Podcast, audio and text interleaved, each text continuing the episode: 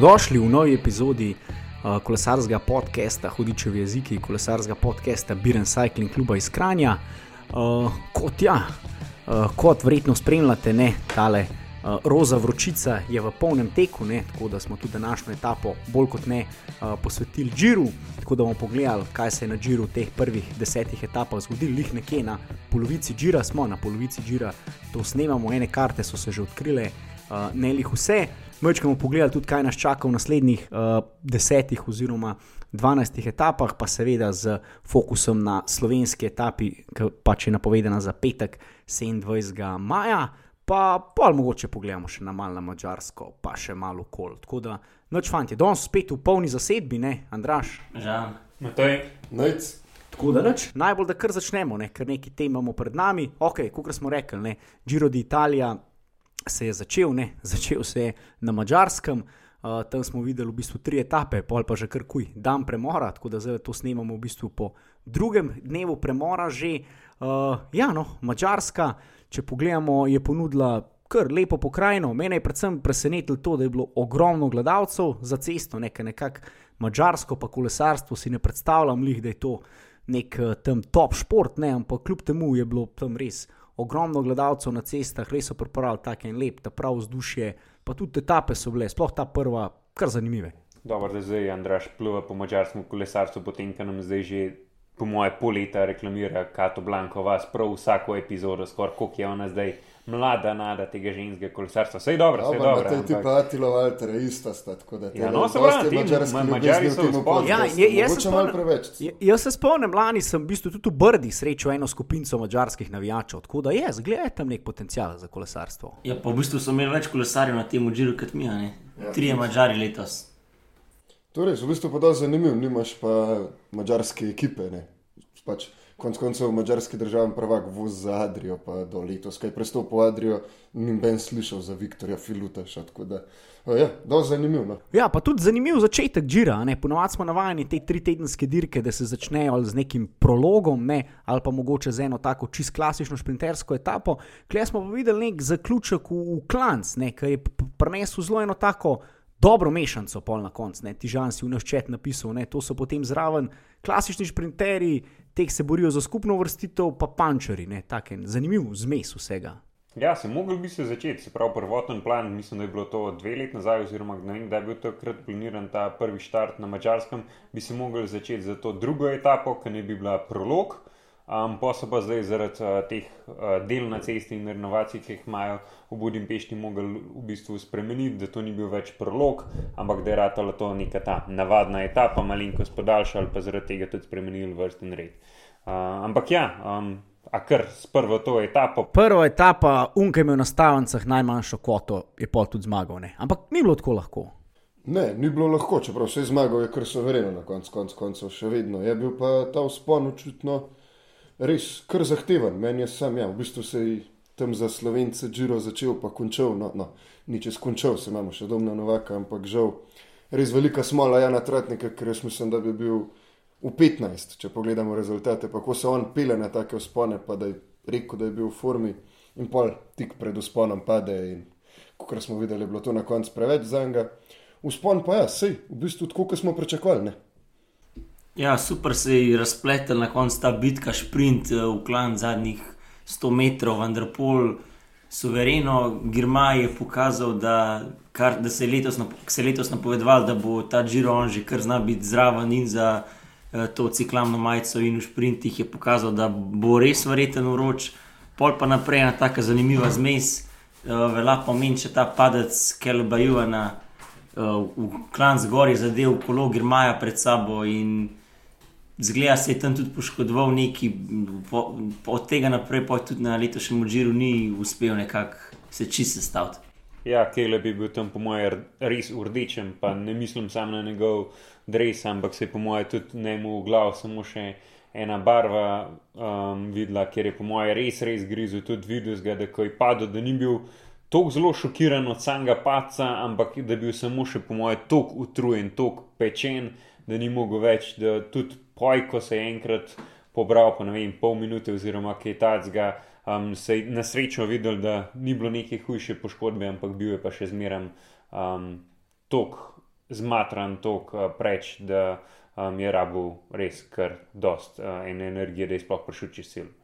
Ja, in ne, prva etapa in tako je rožnata majica za Matija Vendrpola. Nekako je napovedoval to, da v bistvu si želi, zato tudi gre uh, na. Ne. Mogoče je celo mehen kalkuliral, če bi jo dobil v druge etape, glede na to, da je kar velik, pa je kronometer celo treniral, ampak evo, gledaj že v prvi etapi in uh, vi ste fanti malo bolj v stavah, ne imel najnižjo kvoto. Ja, ja, imel 2,87, mislim, da je bila tako, da še splačal nekaj evrov smo dobili. Nekaj evrov smo. Ampak ja, potem pa že druga etapa, ne, Matej je omenil ta.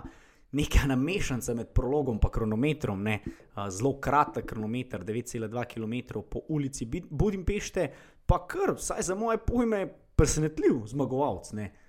Simon Jejc, ne, zmagal kronometer, takrat je pri meni malo zašpilo, wow, aj ti prej so v vrhunski formi. Smo bili navajeni, da dobro odpele kronometer, ampak li da ga zmaga, vsaka čast. Ja, zadnje čase skozi bolj špele kronometre, tudi tam pač smo vedeli, da mu bo ležal s tem zaključnim usponom, ampak vsem, glede na to, da je v bistvu deklasiral konkurenco, mislim, deklasiral, no, da je pač tako dobro zmagal, pa res veliko presenečenje. Bi ga bolj tam, nek, tudi če bi bil recimo 20 sekund v zadej, bi bilo to za njega v bistvu še zmeraj kar vrhunski rezultat. Ne? Ja, ker recimo, če tako pogledamo Almeidi, ki vedemo, da je med temi mogoče. Gran, mislim, temi, ki se borijo za skupno zmago, nekako mogoče so najboljši kronometrist na papirju, je dol 18 sekund, ne? 18 sekund na 9 km kilometru je pf, ogromno. Ne? Ja, to je, samo v bistvu, če pa tako pogledamo, je pa recimo med Almeido in Karapazom, ki je najslabši odpeljal bilo pa še nadaljnih, vem, 27 sekund ali pa še celo tok, ne tako da. 10, ja, 28 de, sekund. Ja, no, tako je, 28 ja. sekund do Simona Jajca, se pravi, so vsi favoriti za skupno zmago praktično zgubili, noč edin Jajce je neki pridobil, vsi ostali so pa odpeljali kronometer dost po. No, v bistvu po pričakovanjih, kar je pa tudi super, se ti nočeš v drugi etapi nekih velikih razlik, pa da ti deset kolesarjev že pade iz igre za skupno zmago. Če imaš pa jih malo razlike, pa jih super, to, da se začne malo dirkanje, pa da malo vidimo, no, kje stojimo. Tako da meni se je zdel kar optimalen. Uh, Optimalen format kronometra za drugo etapo, tri tedenske dirke. Ben je še zmeraj bil malo kratek, ampak mogoče bi na tem mestu še hotel izpostaviti sam še Jana Tratnika. Ne? Ker kljub temu pacu, uh, ki si ga omenil v prvi etapi, ne, poškodbe so bile kar hude, ne, je, je probal, ne, je odpeljal ta kronometer z eno roko, ne, to je bilo pač res borc, ta prav. Ne pol pa ni šlo več naprej. Ne? Ja, jaz mislim, da je pač probal, ker je vedel, da je tisti rezultatski cilj, ki jih je on imel. Nek tih cilj je bil, da bi mogoče se probal boriti zelo za rožnato majico, tle, ker je bil kronometer, ki je konec koncev tudi pisan na kožo. Pa če bi prva etapa vstal uh, tam, kam pač zraven, kar bino, jaz sem prepričan, da bi bil tukaj, verjetno, no, tega Simona Jejca, tako dobrega bi težko premagal, ampak kakorkoli. Jaz mislim, da se je prav zboril, da bi prišel te prve tri etape čez, pa poje na prosti dan, pa videl, če bo kaj boljš. Ampak kot je povedal, mu je za Rentgen pokazal dvojni zlom čovnička v zapestju, tako da zlomljen mu zapestje, se pa kolesa res ne da voziti, ker ne moreš držati krmila. Res borc, proboje tudi v tretji etapi, ampak polje je bilo pač preveč in je žal mogo Jan domov, no, tako da mu želimo, da čim prej pride nazaj na kolo, pa se vrne še močnejši. Ja, moče Jan je napovedal, da mogoče že dirka po Sloveniji, ne? to je nekako zdaj naslednje. Ja, se to je pa spet smola za njega, ker v bistvu on je imel dirko po Sloveniji, pa še spet za drug velik cilj, ker se mu je etapa končal v Idri in bi pred domačimi gledalci lahko zmagal, oziroma si je zelo želel zmagati, ne? in zdaj mu je še to nekako splavali po vodi, tako da se, se mu dva velika cilja ja, v bistvu podarila. Ni rečeno, teoretično mislim, da bi na dirki po Sloveniji še lahko štartal. Ja, dobro, ni bilo štarta, nekaj pa mora biti ja. dober, verjetno že lahko štarta, ampak sem bo to bolj priprava za Turče, kaj, če bo štartal. Ne.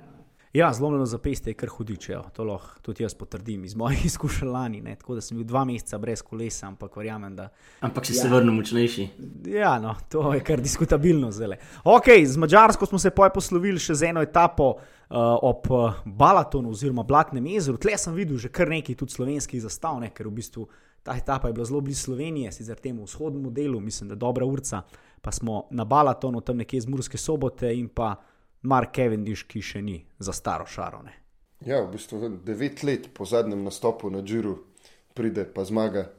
Zanimivo, no, vse tako kot le. Mislim, da mi nismo glih en velik fan klub Marka Cavendisha, ampak vseeno mu je pa treba priznati, da če pri 35-ih, kako letih tako le zmaguješ, Nis, si res dober. Ne? Pa glede na to, v kakšni krizi je bil že vmes, da je bil praktično odpisan, kome še dobil ekipo, zdaj pa v bistvu na Grand Tourih, kadarkoli pride, uspe zmagati, kar lep dosežek.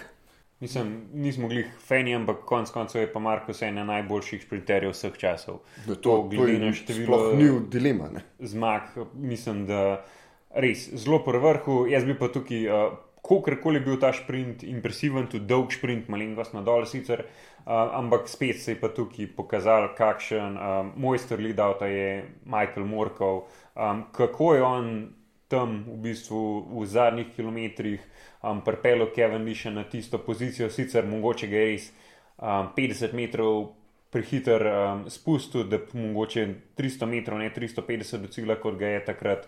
Um, ampak ja, um, kogarkoli dobi Michael Morkov od Jakobsna, um, Kevin Disha, pa spomnimo se še um, prejšnjih kolesarjev, ki so bili v Quickstepu, mislim, da je tudi um, Bennett, konsko, Ja. Bennett, pa um, je bil še Gavirija. Gavirija, pa tale Nemc, Šikitel, v bistvu. Mislim, Ja, to pa takrat- mislim, da Morkov s kitlom pa ni vozil. Ampak dobro, to pustimo, to so že.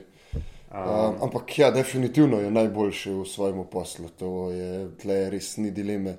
Čeprav Don se je zelo izkazal tudi Dominika Pocavivo. No. Ampak ja, tega še pridemo. tem, o tem mogoče eh, malo kasneje, uh, Dominika mogoče na stara leta zamenja profesijo.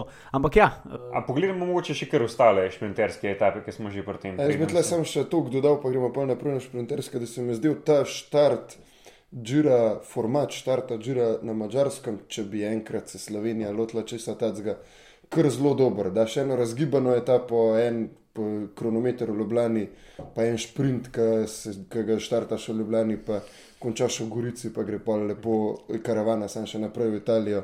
Mislim, da točno s takim formatom bi bila to kar zmagane.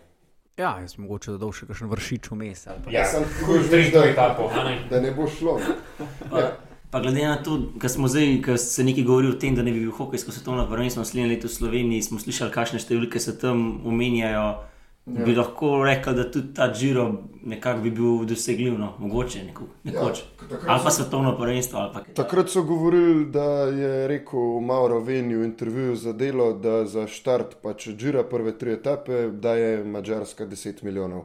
Mi bomo dali za hokejsko svetovno prvenstvo drug let. Naš, naša polovica vložka bo 10 milijonov. Da, se denar se očitno da najdete, zdaj pa če vprašanje, če ti investicijo lahko upravičaš, to je pa za druge odgovorne. Ampak ja, dal bi se eno, tako da jaz samo upam, da, bomo, da ne bomo teh odločitev začeli sprejemati, ko ne bomo imeli več te zlate generacije, pa bomo pa gledali Giro brez slovenskih šampionov. Ampak dobro, pustimo.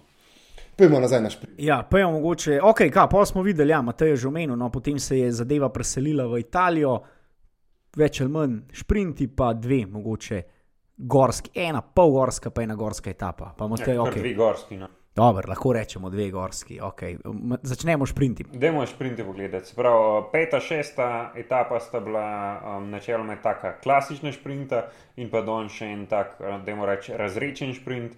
Um, tam se je, se pravi, v tej peti etapi bilo v bistvu kar zanimiva etapa. Um, en tak v bistvu klanc v prvi polovici dirke, um, tam sta zadaj ostala od glavnih šprinterjev Kevin Diš pa Ivan. Um, in potem um, je, so pač preostale ekipe, predvsem um, Grupama, um, pa tudi mislim, da je Emirati in Intermaši vlekel um, in kar dolg časa smo spremljali, a bojo um, ostali spredi ali bosta Mark in Caleb ujela, na koncu um, nista in Arno Demar je prišel do svoje um, prve etapne zmage na Džiru po kar lepem času. Um, spomnimo se ga, on je že um, takrat osvojil vijolično majico, ko je prišel do cilja. Uh, letos bomo videli, ali bo sploh prišel do cilja in ali bo v igri za vijolično majico. Um, je pa poj, ko je naslednji dan, ko je bila pa tudi um, mogoče na profilu izgleda še celo malenkost um, težja etapa, um, pa spet um, Demar prišel v cilj, v sprintov skupinco um, in se je izkazal kot verjetno najhitrejši kolesar na tej dirki, ali pa saj najhitrejši od tistih, ki lahko um, preživijo vsaj približen resen klanc. Ja, pa jaz bi rekel še tudi, da je ta druga zmaga, po mojem, najboljši pokazatelj, kaj ti ena zmaga za samozavest sprinterja naredi. Ker lani smo videli, da je Mara, ki se je celo sezono matral, zmagoval je samo v na manjših francoskih dirkah v prvi polovici sezone, pa čist na koncu na Pariz Tursu, vmes pa, smo velikrat ga napovedovali, pa noč ni bilo od njega. In ne, letos pa prideš, nekako se ti poklopi eno etapo, pa dobiš krila naslednji dan, spet gladko poletiš do zmage s suverenim sprintom. Tako da zelo zanimivo, res, kaj ti, je samozavest pri sprinterju, mogoče celo bolj pomemben faktor od nogno. Ker jaz nisem prepričan, da je Demar kar naenkrat toliko močnejši, kot je bil lani, sem pač mal sreče, pa res, po mojem, to, da vsi upaš eno v to eno lukno. Ja, pa že takrat za Kevindishom je bil v bistvu drugi. Tako da, um, kar je bilo teh, uh, trije klasični sprinti, pa najslabši bil drugi. Tako da, um, očitno je res hiter. Um, ja, to je to, a bi še kaj sprintov. Sej, No, bi sam to rekel, da je bilo res zanimivo to, v bistvu ta klanc je res lepo popestril etapo, da je bila praktično 100 km napeta, zanimiva tudi za gledati, uh, ker nismo vedeli, bojo jela, ne bojo, v kakšnem stanju bojo jeli in tako naprej. Tako da tak zanimiv koncept za šprinterske etape, da jih se nekako popestrima. Ja, da ni tako, kot ne vem, kakšna je ta potura, ki res komaj čakaš, da bo konc, ker se ne zgodi čist nič. No, tudi ta, kakšna etapa na Džiru se še obeta. ne. Uh, tako da, ok, smo pa rekli, Benija bomo še kasneje, ne mogoče. Ja. Ja, pol. Ok, imeli smo pa dve, ok, Matej se bom popravil, no, dve pravi gorski etapi, resni gorski etapi.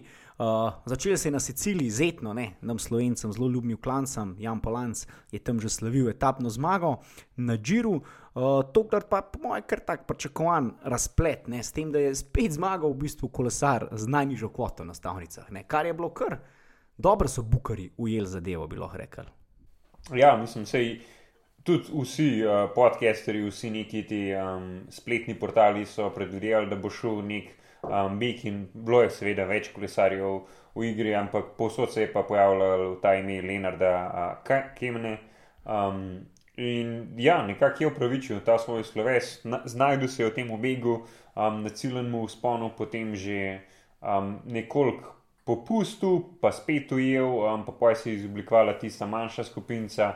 Um, ampak ja, v zadnjem kilometru je ujel um, kasnejšega in še trenutnega nosilca roza majice, um, skupaj sta prišla do cilja, um, vzel je etapno zmago, zdaj ne vemo čisto, če naj bilo torej izmenjen ali se je. No, Um, meni ni zgledal zmeden, meni je zgledal, kot da je Lopes pač sam zajebal zadnjo novinko. Ja, uh, je tako zgledal, sam je pa poj, um, mislim, da eno dni v rekel intervju, da je bil ta tihi dogovor. Kim naj to rekel, sem jaz ne vem, kaj še ne to tihi dogovor, da skoraj oba padeta v zadnjo Ja, novinko. to da- je pa slab dogovor. Ja, zelo tih je, ne, ga noben ni slišal. ne. Lopes pa je tudi rekel, da v v prihodu v cilj ni vedel, da ima roza majico. Ja, no, to, No, tako tako da. da- Ne, Ja, no, a bomo špan, zdaj- španc pa nemska, tako da ne vem, kako ste. Na se koncu ima je dobro, išlo en je dobo etapo, en je dobo majico. Ja, in tako da in cela. Juan Pedro Lopez, ne, tudi uh, nosilec, še vedno aktualni, ne, zdaj trenutno, ko to snemamo 17. maja, roza majice, tudi mogoče bolj, m, bolj recimo, poučeni kolesarski javnosti, ne najbolj poznan kolesar, pa se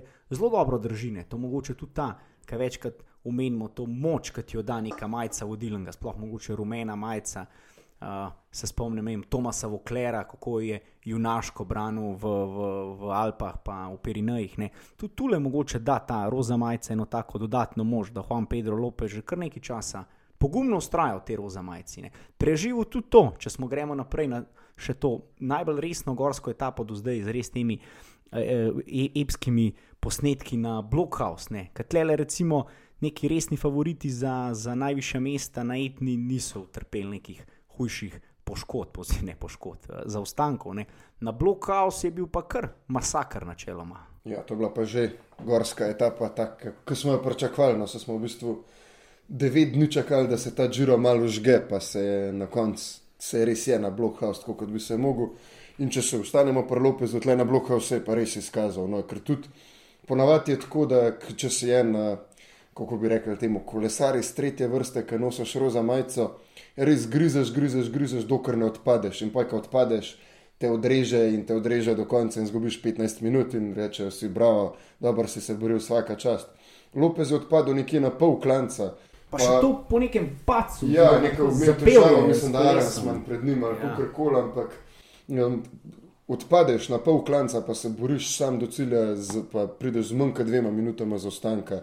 Res, kapo dolno. To je bila pa, tle je pokazal meni na tem klancu, da je dober klančar, da ni sam, da ni sam en, ki se je po nesreč znašel v tej logi. No. Ja, iz Pelom Bilbao pripeljal v cilj. Fortunatom. A s Fortunatom. Bilbao je mal prej, mislim, da se je Bilbao še celo Sta, sta pa kar en Zelo blizu, vozilo. ja. Sam Bilbao je tudi imel poškodbo pri na tej etapi, pa, Ja, ja, da, ja. težko reči, da je, ampak ja, vrhunsko vsem. Ja, vrhunsko in ta etapa je v bistvu že odpisala kar nekaj teh, bomo rekli, favoritov, vsaj teh favoritov, ki so bili pred, eh, pred uh, dirko v, v, močnih vlogah. Ne. Simon Jejc, kot eden, po mojem, za me največje presenečenje, sploh glede na to, da je zmagal kronometer, potem pa tukaj kasiral več kot 10 minut praktično. Ne. Tudi evo, Šausova, tudi Vilko Kelderman, tudi tukaj hitro zavil bokse. Ja, malo smole. Ne, ne, ne, ne, Vilko pa tukaj mu, neki smole tudi um, povedal to javno, da Ja, krivil je a, disk, disk je Mislim, komedija. tak izgovor. Um, Froome. ne, to je slabo. Najhujše do vsega v tega je, Kao, ker na gorski etapi izgubiš 10 minut zaradi disk. Ne, rekel je, da je zaradi tega, da mu je počela, da mu je počela napera zaradi diskov, ampak počela mu je napera, se pravi na drugi strani, kot je disk. Ne more disk toliko toplote oddajati, da ti ni počela napera zraven diska na drugi strani, pa je seveda ni velike razlike, ampak vsem. Jaz še nisem slišal, marsikaj se, se diske krivi, ampak to, da ti je pa toliko stopil napero, da je počela, to pa mislim, To, ja, da je, ker ker je pa njegov argument je bil, ja, da je tok se segrel tisto rotor, da je v bistvu špica. Če ne, se pa nauči povedano. bremzati, saj cel, cela grupa vozi z istimi diski, pa rovalovi diski so pač eni boljših, oni ima- imajo specialize, da ne vozijo se z grdo rečeno Fujijem pismo, to, to je bilo malo za lase prevlečeno. Mislim, da vemo, da je njegov sotekmovalec v isti ekipi, pa zmagal je ta Z identičnim kolesom in identičnim V materialu diskom, ja. res to problem. Ja, ampak dobro, pustimo, pustimo zdaj uh, uh, Vilkota. Uh, mogoče, ja, ok, Blockhouse uh, spet se je nekako vrnil ta train oziroma ta vlak uh, Ineosa. Ne, sploh. Že pravilko to bili, prost, ki te prekinjam, Andraš, pa ja, pač Simon Jajc, neki verjetno uno poškodovano koleno je zetnev, kjer mu sicer ni veliko govoril, pa je že na začetku, ti, pred začetkom te etape povedal, da se boji, kako bo s kolenom, ampak je pol to v cilju, to mu je pa treba dati kapo dol, da se ni šel skrit na ekipo na avtobus, ampak je stopil pred novinarje in tudi pošteno povedal, ja, da ok, koleno ni bilo lih optimalno, sam pač, da ga je izdelala predvsem vročina in da ne ve, zakaj ga vročina zdela, kaj bo naredil na tem, da ga v prihodnje ne bo, ampak pač, ja, da se je počutil po domač povedan za en drek, ne samo zaradi kolena. No. No, imaš pa drugi ekstrem, um, pa se pa dotaknemo in vsega vlaka. Imaš pa žval Almeido, ki je pa prej, da je tapo lepo povedal, da njegov počutje je pa zelo slabo, da on ne ve, kako bo zdržal to etapo, pa pa v prizoru um, tako predstavo, da se ga res niso mogli znebiti. Ne, odvetniki se ga tam, po mojem, ne bi mogli znebiti, on je prišel zraven vsakič, um, ko je. Um, Ker pa skočil je še on na valjavca, na tempo za njemu. Ampak je zelo zanimivo, nekaj na sred spona zgledal že zelo slabo. Če si izgledal pečen. Ampak on vedno zgleda, To je- da se je slabo. To je pa tudi res, ja. Ja. Ampak je lepo, lepo pokrival na tempo zadeve. Ampak ja, tukaj si rekel, ja, žval Almeida zgledal zelo slabo.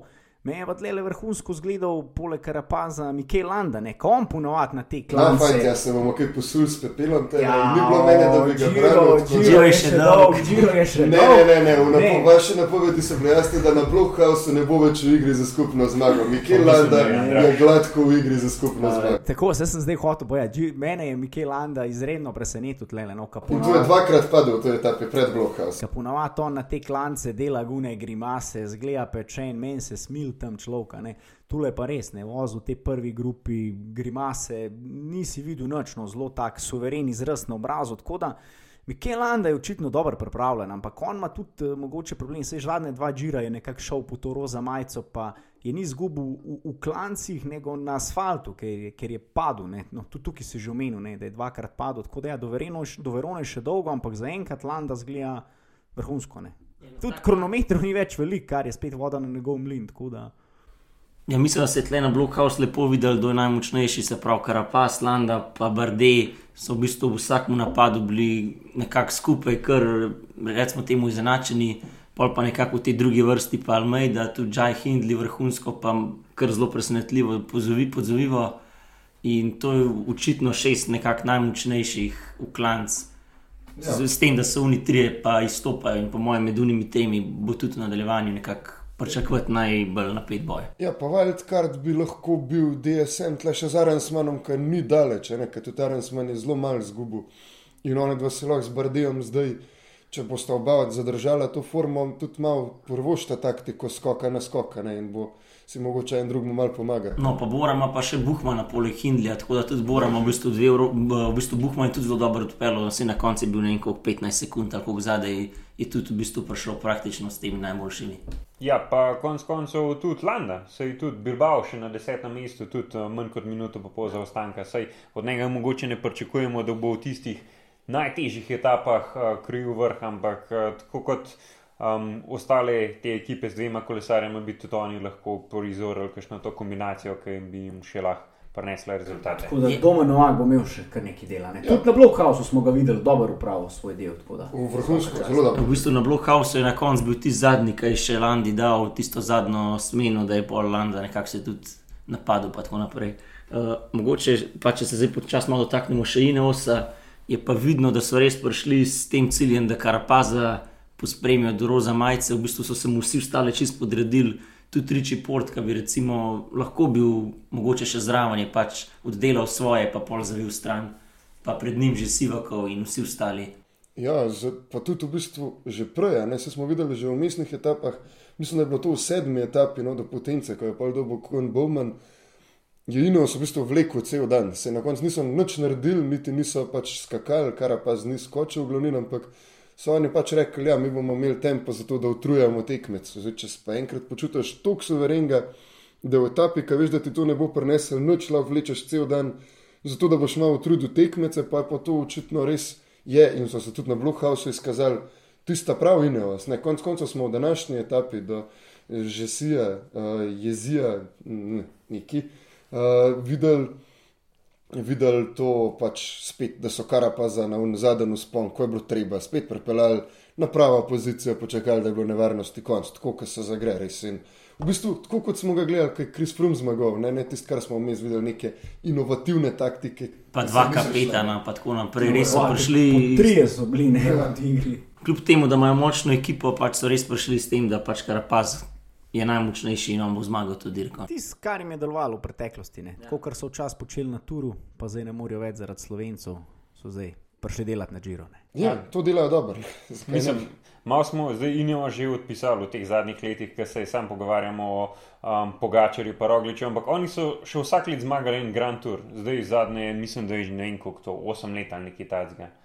No, sam se, če imaš 10 milijonov večji proračun, kot kjerkoli druga ekipa, je že prav, da vsaj en Grand Tour zmagaš, če ne. Se strinjam, ampak vseeno se mora pa tudi mrske poklopiti in v tok let igre tudi doskrat lahko kar mrske narobe, pa se ti ne vem, dvakrat nekaj zalom na tretji Grand Tour pa ne računaš. In ja, mislim, vseeno impresivno, ko pogledaš za nazaj. Ja, no, pa da se vse ostavimo po tej današnji etapi do Žesija, ki si že omenil. Ne, Po moje jezi, Jezi, po moje že si, bolj jezi, glede na to, da Štarta so v v- Peskari, to znam izgovoriti, evo, Peskara. Po Se moje pravi- jezi, glede na to, da smo A v ni pešara. Se pravi, zdaj smo že kar uh, se tukaj v obali Jadranskega morja pelemo gor uh, proti severu. Uh, v Toskano, tako da v bistvu, ok, danes se je pa nekako pisala zgodovina. Ne?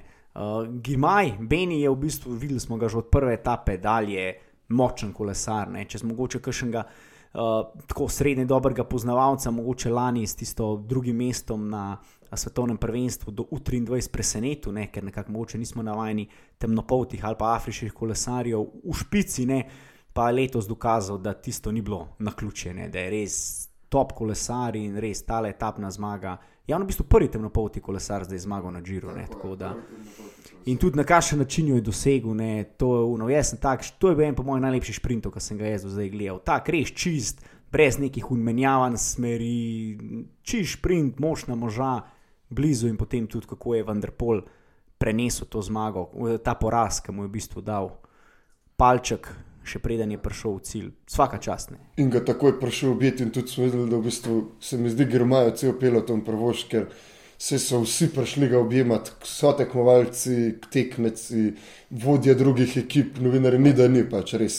Se mi zdi, po mojem, ta trenutek je najbolj priljubljenih kolesarjev na svetu. Ja, in res po mojem je tudi vsemu interesu, ne, da kolesarstvo rata res en ta globalen šport. Ne, ker se mi zdi, da v Afriki je za kolesarstvo ogromno enega potencijala, do zdaj je to bolj kot ne se izkoriščalo tam v Južnoafriški republiki, z Quebeca oziroma vsem tem izvedbam te uh, protorozilno vortur ekipe, ne? ampak tudi nekih temnopoltih kolesarjev je bilo uspešnih v peletonu, ampak bolj v vlogi pomočnikov. Gimaj je zdaj prvi, ki je v bistvu nek lider in lider praktično prvo oziroma drugo sezono že v. V, v, v peletonu. Jaz sem tudi, ne vem, recimo, mi smo že večkrat omenili Ruanda, ne, ima kar nekaj potencijala, tudi Eritreja, zdaj vidimo ogromno teh zastav, že ogromno navijačev na Džiru, tako da sigurno je en potencial za razviti to celino. Ne. Pa res je treba povedati, da on pač ni to zmagal tako po sreči, kot kar koli po nekem spletu na ključu. Na tem Džiru je imel eno, drugo, četrto, peto, četrto, peto mesto, se pravi, vsak etapi.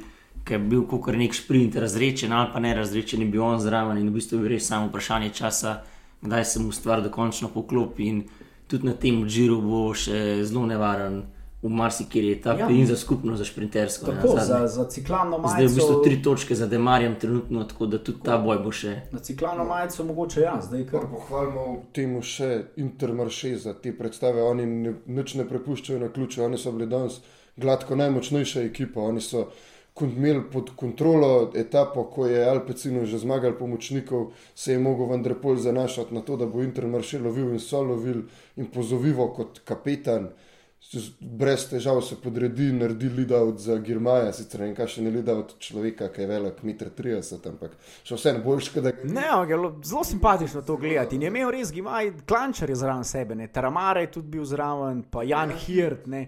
Tako da sami klančari, ja, kot si omenil, ne, Intermarše mogoče. Mislim, da so dve ali tri leta nazaj prvič dobili wildcard eh, za Tour de France. Takrat so mnogi gledali, ker gre za belgijsko ekipo, ne, ne za francosko kaj hodiča, zdaj te ljudje delajo na turu, tudi takrat se niso najbolj izkazali. In je bilo mogoče malo taka ekipa, ki se je lovila, ne? ampak lan s to zmago je bil tako, ne? tako vendar ne? je zmagal iz pobega, ne je bilo ok. Sej, neki se pa da, ampak letos so pa fantastični. Tudi Kristofa podpisan, recimo, tudi pozovijo se je izkazal kot zelo dobro ukrepitev, čeprav je FNG blizu 40 let, ne? tako da ekipa. K... Pa ni imel ekipe do marca, mislim.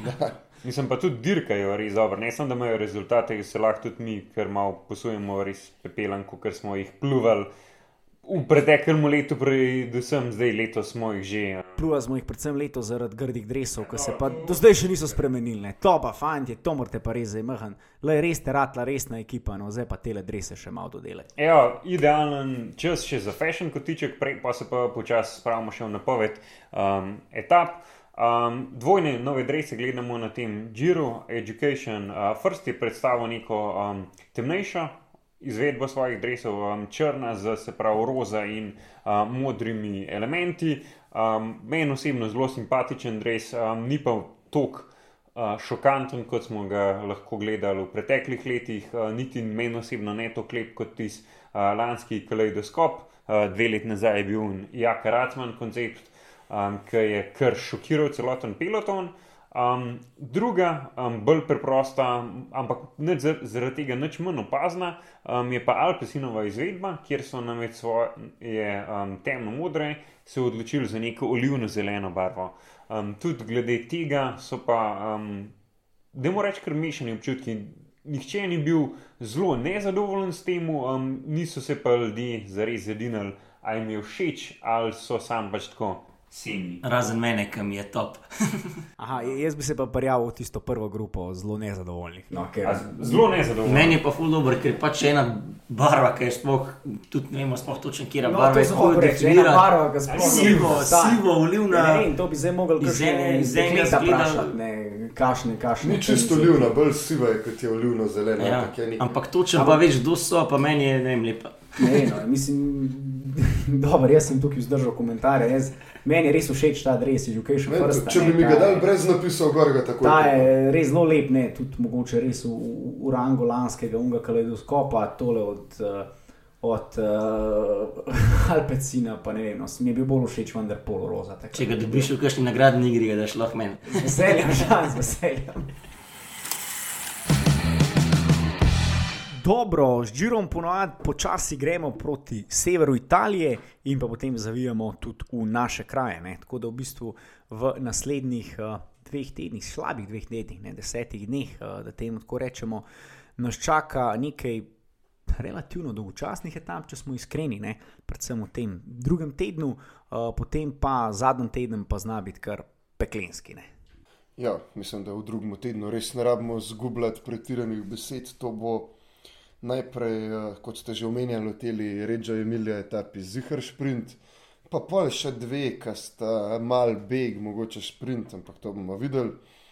Pol imamo tisto sobotno etapo, ki je zelo razgibana, tam bi mislim, da lahko dobili neko uh, kombinacijo ali kakšnega napada, tistega, ki je že nekaj izgubil v skupnem seštevku, ali pa mogoče tudi Girmaja, pa vendar pola, to bomo videli, da sem koliko se bo te klanice izkazali za težke.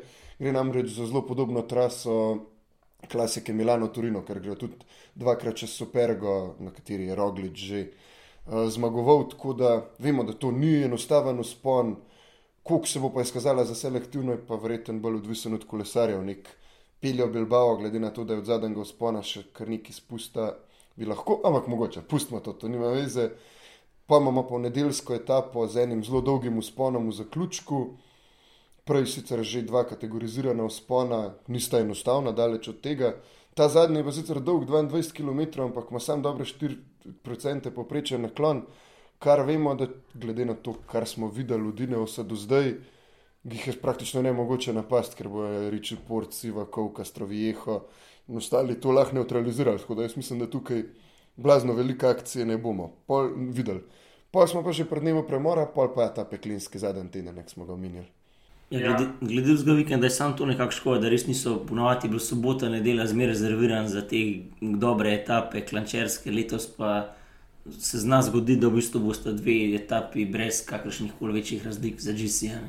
Ja, čust možno, ja, da, ne bom, da se ne bomo nič več vedeli. Je, v bistvu je sobotna mogoče po profilu še bolj nevarna kot ta nedeljska. No. Ker nedeljska je neka ta klasična gorska etapa. Take etape gledamo na dirki po Franciji, no, z dolgimi položnimi usponi, tako da mislim, da tam neke blazne drame ne bo. No, ampak bomo videli, vsem nas bojo pa presenetili. Je pa hkrati tudi uh, čist realno, da boste poslušali tole um, na, pravi, na naslednji prost dan in bo stanje v prvi deseterici do sekunde enako kot je danes. Glede ja. na to, da povsem možno, da se čist nič ne zgodi. Um, veš pa nikoli ne. ne? Um, Zato pa gledamo, če bi vedeli, kako je. Marsikaj um. etape, mogoče tudi ne bi. Pa še kaj bi stavili, pa še kaj več zaslužili. Um, Zadnji teden pa poja, kot smo rekli, peklenski, um, se pravi, že v torek, ena um, kar resna etapa. Um, z, v bistvu si uvod v ta res peklenski um, teden, um, se pravi, spet etapa z trem zahtevnimi usponi in pa se um, to kar ne neha. Naslednji dan spet dva zahtevna uspona, vmes, um, potem ta 18. etapa nekoliko bolj umirjena. Um, potem pa že pridemo na se pravi to 19. Um, slovensko etapo, kjer bo uh, Andraš malo več povedal o tem, um, še tiste 20. eni jo imenujejo kraljevska, um, čeprav vemo, da um, po usponu mogoče um, ni tako, po metrih uspona, um, in pa še zaključni kronometer v Veroni, ki ga lahko um, spet spremljamo, pa bomo videli, kako se bo tam Pa, da imamo zdaj v tej Sloveniji. Ja, uh, Giro se zaključi ponovno v tem lep, re, lepem rimskem amfiteatru v Veroni, ne? tako kot že leta uh, 2019, kjer v bistvu smo prvič Slovenci končali Grand Tour na stopničkah, ne? takrat Primož Roglič na tretjem mestu. In če pogledamo, na, to je tri leta nazaj, prve stopničke, v treh letih imamo pa zdaj v bistvu že pet Grand Tourov, pa še mislim, da je ne kako imamo še tri, štiri stopničke zraven. Tako da res nevrjetna, tri leta, tri leta so za nami. Uh, tako da, ja, tudi ta amfiteater v Veroni je zelo, zelo tak simpatičen za pogled. Uh, tako da, če te kje v bližini, definitivno se splača pogledati zadevo, ampak ja, kot smo menili, mogoče vsi že čakamo ta 27. maj. To si dopuste napisali že kar en cajt nazaj, ne, Giro v bistvu uh, šest še, sedmič v bistvu obišče Slovenijo, ne? šestič ali sedmič, ne? ker je bil na slovenskih tleh prvič leta 1922, ne? takrat še v sklopu kraljevine Italije. Ne? Tako da v bistvu niti ne kraljevine, ne, mogoče takrat že v bistvu se je ravno menil tam sistem. Ne. Ampak ja, ponovno, ne, po letu 2000, uh, lani v bistvu, po letu 2021, ko smo bili ena fantastična etapa v Goriških brdih, uh, tokrat se selimo malo bolj proti severu, ne, uh, z etapa začne ob obali uh, Jadranskega morja. In pa potem v bistvu slovenski del je dolg približno 60 km, če se ne motim. Uh, na uh, mejnem prehodu 40. 40 od 95, ja, dobrih, dobrih 40 km, ne, v bistvu vstopijo na mejnem prehodu Učja, ne, in pa potem pridejo do Žage in se potem na jug spustijo do Kubarida in potem ta del, no, ki ga vsi nekako najbolj čakamo, ne, vzpon na Kolorat, ki je v bistvu peklinski, ne, eden najbolj zahtevnih vzponov uh, tega žira. Ne, se pravi, vzpon je dolg. Dajmo zdaj pogledati. 10 km in več kot 9% poprečni naklon. Ne. Ja, po uradni statistiki 8,9 posta, ampak to je spet 10 odvisno, kje ga začneš meriti. pa tako, Ampak zelo ampak strmo, glavno. Vsi nekako, ko vozimo kolo, vemo, da nekako so, grejo nekje 7-8%, da ve, da je to že precej strma zadeva. Ne? Če pa to poteka 10 km, pa, pa sploh ne zadeva zelo, zelo peklinska. Ne? Kolesari bodo tam na uh, kolovratu okoli treh, ne? tako da za vse nas, vas, ki bi si želeli zadevo ogledati. Kot smo že rekli, no, priporočamo, priporočamo tisti dan dopustne, mi se recimo tudi odpravljamo s krana s kolesom, glih je ena taka fajn Turca, koliko smo računali, dobrih 100 km. Tako je, v 100 km si v Kubaridu, pa je odvisen, kako bomo izvedeli vzpon ali čez kolovrat, če bojo noge, če pa gremo čez Livk, oziroma iz Kubarida čez Livk, je nekam gor, bo pa mal manj. no. Koliko delati se bomo gor zapeljali, ampak ja, hitro smo v bistvu čez Petrovo brdo. Se potem, spusti, se potem spustimo dol. Uh, moramo kaj na tem mestu pohvaliti tudi organizatorje te etape. Ne, tudi so že napovedali, da bo poskrbljeno tako za neko parkiranje, za vse te zadeve. Ne. In nekako trije punkti so mogoče taki uh, fajn za zadevo pogledati. Če bi si želeli zadevo pogledati, ne, že na začetku, na žagi, ne, uh, imamo potem na vseh teh punktih je big screen, gostinska ponudba, pa zvečer tudi malo zabave. Ne. In tudi pri tej zabavi so organizatori poskrbeli za vse glasbene okuse, da temu tako rečemo. ne. Na žagi vas čaka big screen, gostinska ponudba, pa zvečer od šestih naprej zabava s Tanjo Žagarne. To je kar dobro umeščeno Tako lokacijsko. za, za žago je to. Za žago, vrhunsko, vrhunski gost. Ne. Uh, Potem v Kobaridu ne, imamo to neko fancono, kjer nas bo zvečer zabavala skupina Zvita Feltna, in pa potem gor na Ljubku, ne, to je pa v bistvu že v prvi tretjini klanca, mislim, ne 4 km klanca, takrat eh, že za kolesari, ne, pa uh, potem ob šestih pa skupina Zmelkov, ne, to mogoče za našo ciljno publiko. Nekako, ja. v bistvu ta del dolivka je najtežji del spona, prvi je najbolj. In klej mogoče ne, čisto če damo kakšen tips in triks, ne, če prijete nekje z avtom do Kobarida, potem če ste peš, se nekako probate odpraviti gor nekje proti Ljubku in tako zelo hiter se že uspon postav, kar precej po koncu, tako da boste definitivno videli uh, zelo, zelo zanimivo uh, zadevo. Jaz sem ta uspon enkrat prevozil z avtom in Ni lahko, no, ni lahko. Že, že z avtom je bila zadeva kar po, po, postavljena po koncu, pa mogoče sam še ne, se nadaljuje se v bistvu to, kar se je začelo že lani, da gremo nekako po teh, po teh uh, prve svetovne vojne, ne, vsi nekako Kobarid poznamo po tem čudežu preko Baridu, ne, 12. soški bi, bitki, kjer so avstro-ogarske sile prebile soško fronto in to je ravno potekalo po teh v bistvu krajih, kjer se bodo kolesari pelali na kolovratu, bodo preden zavijajo nazaj v Italijo proti Čedadu, kjer je v bistvu v tem svetišču nad Čedadom cilj, je v bistvu to muzej na prostem, ne muzej Prve svetovne vojne, kjer v bistvu lahko vidite ostanke tretje italijanske obrambne črte. No, tako da mislim, da bo to tudi fajn pokazano na kameri, kot tudi v bistvu ko, italijanska kostnica preko Baridu in nekako s tem etapam. Zaključuje Italijani, moje kar namerno, no, ubišajo vse svoje tri kostnice iz Prve svetovne vojne, ne, ker Avstro-Ugarska vojska je takrat imela spomenike oziroma tele. Pokopališča, ki jih vidite še danes, ne, italijani so pa svoje vojake prekopali v tri kostnice, lani so obiskali Slavje, Prbrdih, Parežipulja, letos še Kobaritne, tako da je po mojem tak zaključek. Ampak ja, no, doze zgodovine pa tega.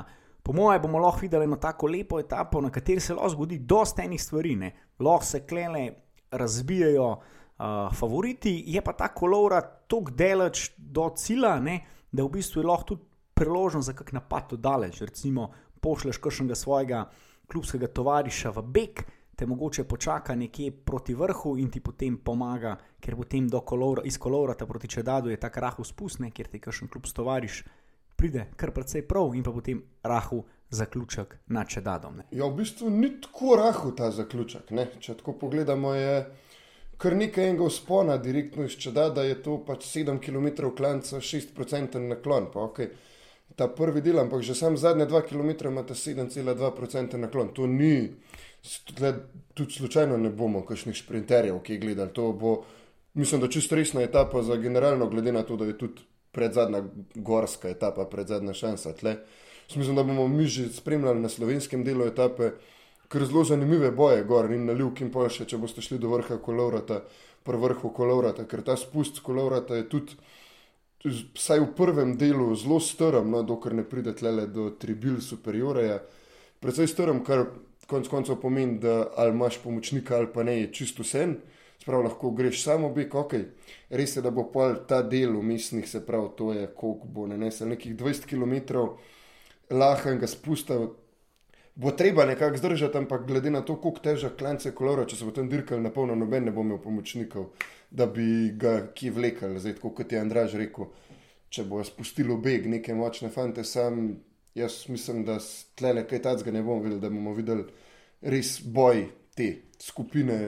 Najboljših kolesarjev na dirki. Ja, mogoče čisto za občutek, kaj smo rekli, da je 10 km, pa malo več kot 9 procenten poprečen naklon. V bistvu, aha, v bistvu je to prak, praktično skoraj enako kot Mangard. Od tam, kjer se z glavne ceste zavije, ima Mangard v bistvu 10 km, pa malo manj kot 9 procentov. Tako da za predstavo, da je to v bistvu en konc koncev težjih klancev, kaj je sploh v Sloveniji. Tako, tako mogoče ne to popularen, ne to raziskano, ampak dejansko se tudi spomnim, ko sem šel takrat za avtom gor, zadeva je res. Uh, res strma. Ne? Recimo, ko smo najcu omenili ta doljivka del, ki je nekako najbolj strm. Ja, tukaj sem zidal podatek 4,4 km, ajde recimo slabih 5 km doljivka, 10,4 poprečen naklon. Ne? To vemo, da več kot da bi šel dvakrat na možjanco. Tako da ni. Ni za banci. Kako nek Pavličev sedlo, mogoče tajm. No, v bistvu, je, če bi lahko Pavliča izločil iz jezerskega, iz tega, kar še od jezerskega noge tečejo, bi bilo zelo podobno. Ja, ampak te počaka še naprej. Te, ja. te, te, te. Schengen. Ja, v bistvu je to dejansko klanc, če bi. To je, mislim, da klanc, ki se po zahtevnosti res lahko primerja tudi s krvavcem. Pač. Ker krvavce sicer je nekoliko daljši, sam tudi nakloni, pa vse niso taki. No. Ker to, ja, pač konc koncev v 10 km 900 višinskih metrov narediti res ni enostavno. Ja, in tudi ampak eh, pogledi potem z vrha tukaj so fantastični, potem tukaj na, na Soško dolino, tako da je, je vredno, no tudi za nas, rekreativce, se mi zdi, do vrha za ja, pogled. Ker smo jih prej gledali, res super sodelovanje in pač naših turističnih uh, oblasti, velja kakorkoli, uh, pač v posočju z Italijani, tudi z, tako kot je Andraž omenil, vsem spremljevalnim programom, konec koncev lahko kupite spominske majice. Zelo lepe pač, spominske zelo majice. Zelo lepe spominske tako. majice ja, in tudi za po zelo spodobni ceni. Um, tako da mislim, da, se, da je resno treba vse pohvale jim dati za to, da nam naredijo, če že nimamo svoje etape, žira skoraj največ, kar bi lahko dobili. Ne. Ja, res, kapo dol za, za tole. Ne. In lej, na nas je sam še, da pač ti spetek pridemo v progo, prenesemo čim več slovenskih zastav, pa navijamo za Doma Novaka, za katerega upamo, da bo še ustal v konkurenci do takrat, pa seveda za, za vse ostale kolesarje pa spet naredimo. Naj lan se spomnim v Brdih, eh, tisti posnetki, je bilo navdušujoče, no, da ponovimo še enkrat to zgodbo, pa da Džiro, pa še kakšna druga dirka, čim prej prijeta. Je, mi bomo verjetno tam, kjer bo ta gostinska ponudba, tako da če bo kdo tam. Mi smo nekako računali, da, da se nekje dobimo nekje na Ljuku, v okolici te uh, Big Screena in pa gostinske ponudbe. Ne, tako da uh, Biren Cycling Club Drese, ne, kot sem rekel, no, planiramo nekako iz Kranja, da gremo z kolesom črno-oranžne uh, drese, Biren Cycling Club, majhen spremljajte, nas pocukate za rokav, pa z veseljem, kar še ga spijemo. Tako je, nekako mislim, da je to to. Če se sam zdaj čisto hitro še ostavimo, kot smo prej omenjali, še pred zadnja kraljevska etapa, tam bomo, po mojem, da dobili zmagovalca Džirano, ker če ne bo glih 20 sekund razlike, kar ne verjamem, da bo, teh 17 km kronometra v Veroni, to smo videli zelo podobno traso že leta 2019.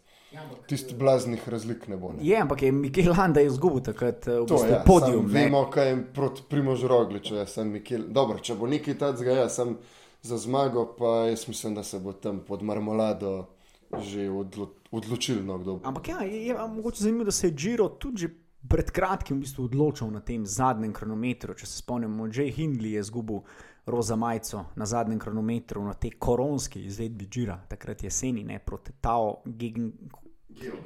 Geogan, protao. Kdo bo zdaj to pravilno izgovoril?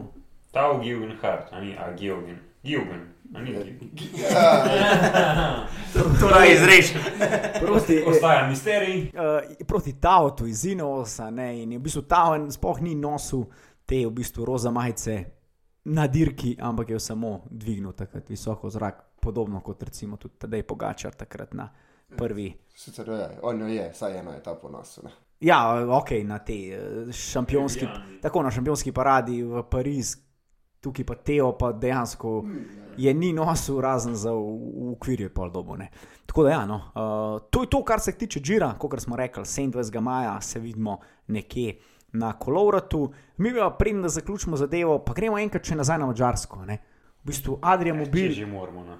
Če že moramo, definitivno moramo. Adrija Mobil je dirkala eno, kar ko solidno, sploh za sedma, no, Pro Tour ekip je bila na dirki po Mačarski, zelo so solidna, fanti so se pokazali tudi na Eurosportu, uh, konc koncev, brez nekih uh, rezultatskih presežkov, ampak kot smo rekli, konkurenca je bila zelo dobra. Adrija Mobil ima v svojih uh, vrstah tudi mačarskega državnega prvaka, kar tudi ni zanemrljivo, ne, ne bi kaj dodal. Ne. Ja, mislim, on se je pokazal v prvi etapi v Begu, pa mislim, da je dobil prvi gorski cilj, tako da je mačarski dres mačarskega državnega prvaka pokazal. David Per je bil en dan v Begu. Gal Gliver je na koncu končal, mislim, da v 20-terici, kar res ni slabo v tej konkurenci, sploh glede na to, da je mlad kolesar.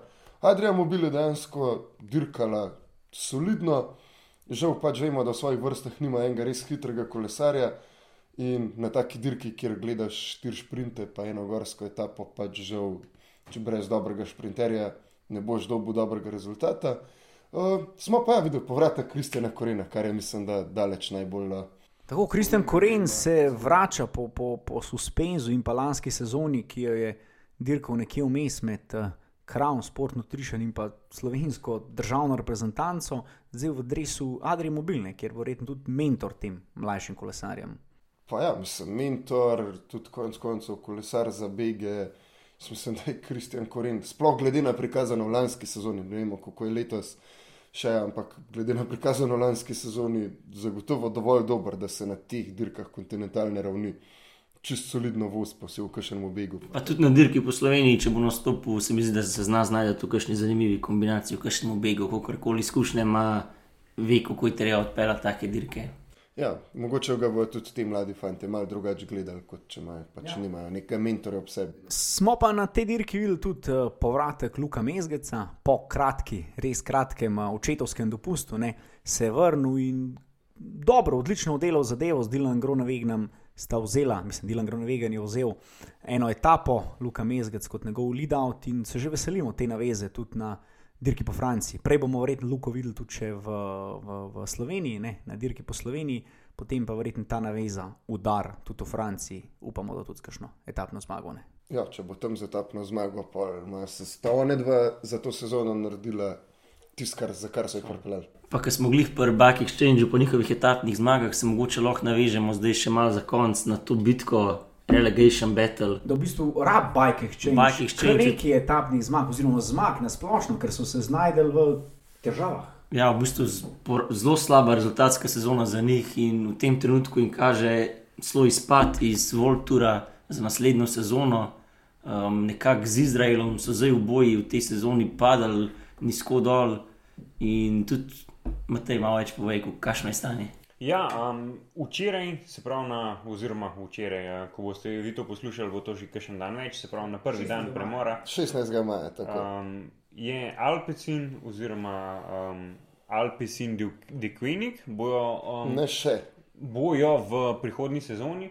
Um, že na turu bodo. A že na turu bo? Tako je. Aha, to, ta informacija me je pa zgrešila. Je liha stara, kakšen dan morda ta Um, informacija. no, v glavnem oni so zaprosili tudi uh, uradno za protor licenco. Vemo že, da je Arkea zaprosila za to licenco in glede na rezultate, ki jih kažejo v zadnjih treh letih, kar je kriterij za um, se pravi športni del te licence, bodo um, oni zagotovo dobili to um, licenco, torej licenco najvišje ravni. Um, kar pa pomeni, da glede na to, da je število teh licenc omejeno na 18, bosta dve ekipi izpadli. Um, kot je Žan povedal, trenutno slabo kaže um, kar nekaj ekipam. Um, ja, Bike Exchange, ena izmed njih, Izrael, ena izmed njih tudi Loto ni daleč. Um, tukaj se pojavlja še vprašanje Astane, um, za katero um, sicer točkovno ni najbolj pri dnu, ampak um, v krogih, predvsem kolesarskih, krožijo neke govorice, da naj ne bi plačevali svojih kolesarjev, pa tudi um, tam so se že večkrat pojavila ta um, vprašanja o um, legalnosti in legitimnosti njihovih poslov, um, kako Aleksandr Vinokurov pele to. Um, tudi tam obstaja neka sicer relativno majhna možnost, da bi njim um, to licenco oduzeli in da bi um, ena izmed, no, se pravi, teh Tukaj ekip sem dodal, da jaz mislim, da oduzeli mi jo ne bodo, bolj je verjetno, da pač ne bodo imeli denarja. No, ta del No, oziroma, da je pač ne bojo podaljšali. Tako je. odvzeli. Mislim, Ampak plin je šel zadnje čase kar gorno, tako da jaz mislim, da bi. ja, se Ja, je, sej, tam je več stvari, pa koliko dejansko imajo oni od tega plina. pa od Tega. Um, tako da to bo še nekaj zanimivo, ne mogoče res samo iz tega točkovnega dela, ki za nas kot športne navdušence je najbolj zanimiv, bo tudi ta, se pravi, zakulisni del, kar zanimiv, če bo mogoče kakšna ekipa pa tako, da rečemo, um, za zeleno mizo izgublja to licenco. Um, Ja, pa tudi na koncu koncev tukaj je kar nekaj ekip še v resni nevarnosti, da nima Movistar pač m, trenutno ekipa z najdaljšim stažem v Touru. Pač je, imajo sicer ta trenutek še nekih 1500 točk prednosti, ampak 1500 točk prednosti se lahko relativno hitro tudi uh, pač, uh, spremeni. Jaz je sicer res, da zdaj smo resno zakorakali v obdobje etapnih dirk, kjer Movistar ponavadi uspešno nabira točke, tako da za njih me niti ne skrbi. Zelo podobno velja tudi za Education Easy Post, ker oni bojo, ne vem, vsaj na Vojelti z nekim Hugom Kartijom, pa pol kakšne etape. Jaz mislim, da za njih me tudi ne skrbi preveč, mislim, da bomo gledali četveroboj Kofidis, Bike Exchange, Izrael, pa Loto za te dve, uh, za zadnji dve mesti. Pol Pa, kako se bo pa to razpletalo, pa v tem trenutku ne mogoče reči, ker so razlike tako majhne, da lahko že čez en mesec vrstni red čist premešan. Pa mogoče še vredno omeniti, da um, ko smo mogoče koledarsko na um, manj kot polovici leta, smo pa po neki tej točkovni zalogi že kar zelo blizu polovice. Glede na to, da vse te spomladanske klasike, ki prinašajo kar dobro količino točk, so že mimo, um, ostanejo pa samo še um, Tour in Vojelta, pa seveda tudi um, nekaj teh um, manjših dirk najviše ravni. Um, ampak tam pa vemo, da se pravi največje količine prinaša generalni um, uspeh, torej generalna razvrstitev, pa še tam se pravi neka ta mesta 1 do 10, ki za vse te ekipe, ki smo jih omenjali, mogoče ne pridejo najbolj upoštev.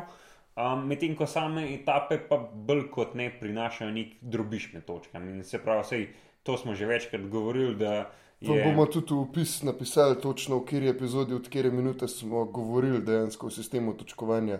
Če vas zanima več, eh, kako pač dejansko se delijo točke in zakaj je stanje tako, kot je, ker ste lahko za nazaj poslušati. Ne, Ja, ja, ne bomo ampak- se ponavljati. Da, da naredimo en tak uh, zelo hiter povzetek, se pravi, um, etapa na Turu je uredna glih malenkost več kot zmaga na veliki nagradi Kranja. Um, kar je po eni strani bizarno, po drugi strani. Um, Pa isto bizarno. po, Pa še bolj bizarno. po drugi strani pa bizarno. nekoliko smiselno z vidika, da UCI hoče promovirati tudi um, ostale dirke, ki niso tur, predvsem z nekih svojih ekonomskih vidikov, ker noče dati pač celoten primat ASO-ju. Um, samo z tega vidika je to smiselno, z vseh ostalih vidikov se pa strinjam, da mogoče um, tukaj se kar dosta enih vprašanj pojaja, poraja. Po mojem, da smo tleh dobro povzeli zgodbo. Tako da ja, se vidimo 27. maja na Kolovratu, slišimo se potem uh, po zaključku Džira, ki bomo tudi pokomentirali uh, zadevo, pokomentirali novega, oziroma mogoče celo starega nosilca rožnate majice, pa kako smo se mi odrezali na kolovrat. Tako da srečno, pa se slišmo oziroma vidimo na Livku ob uh, Šangu z gostinsko ponudbo.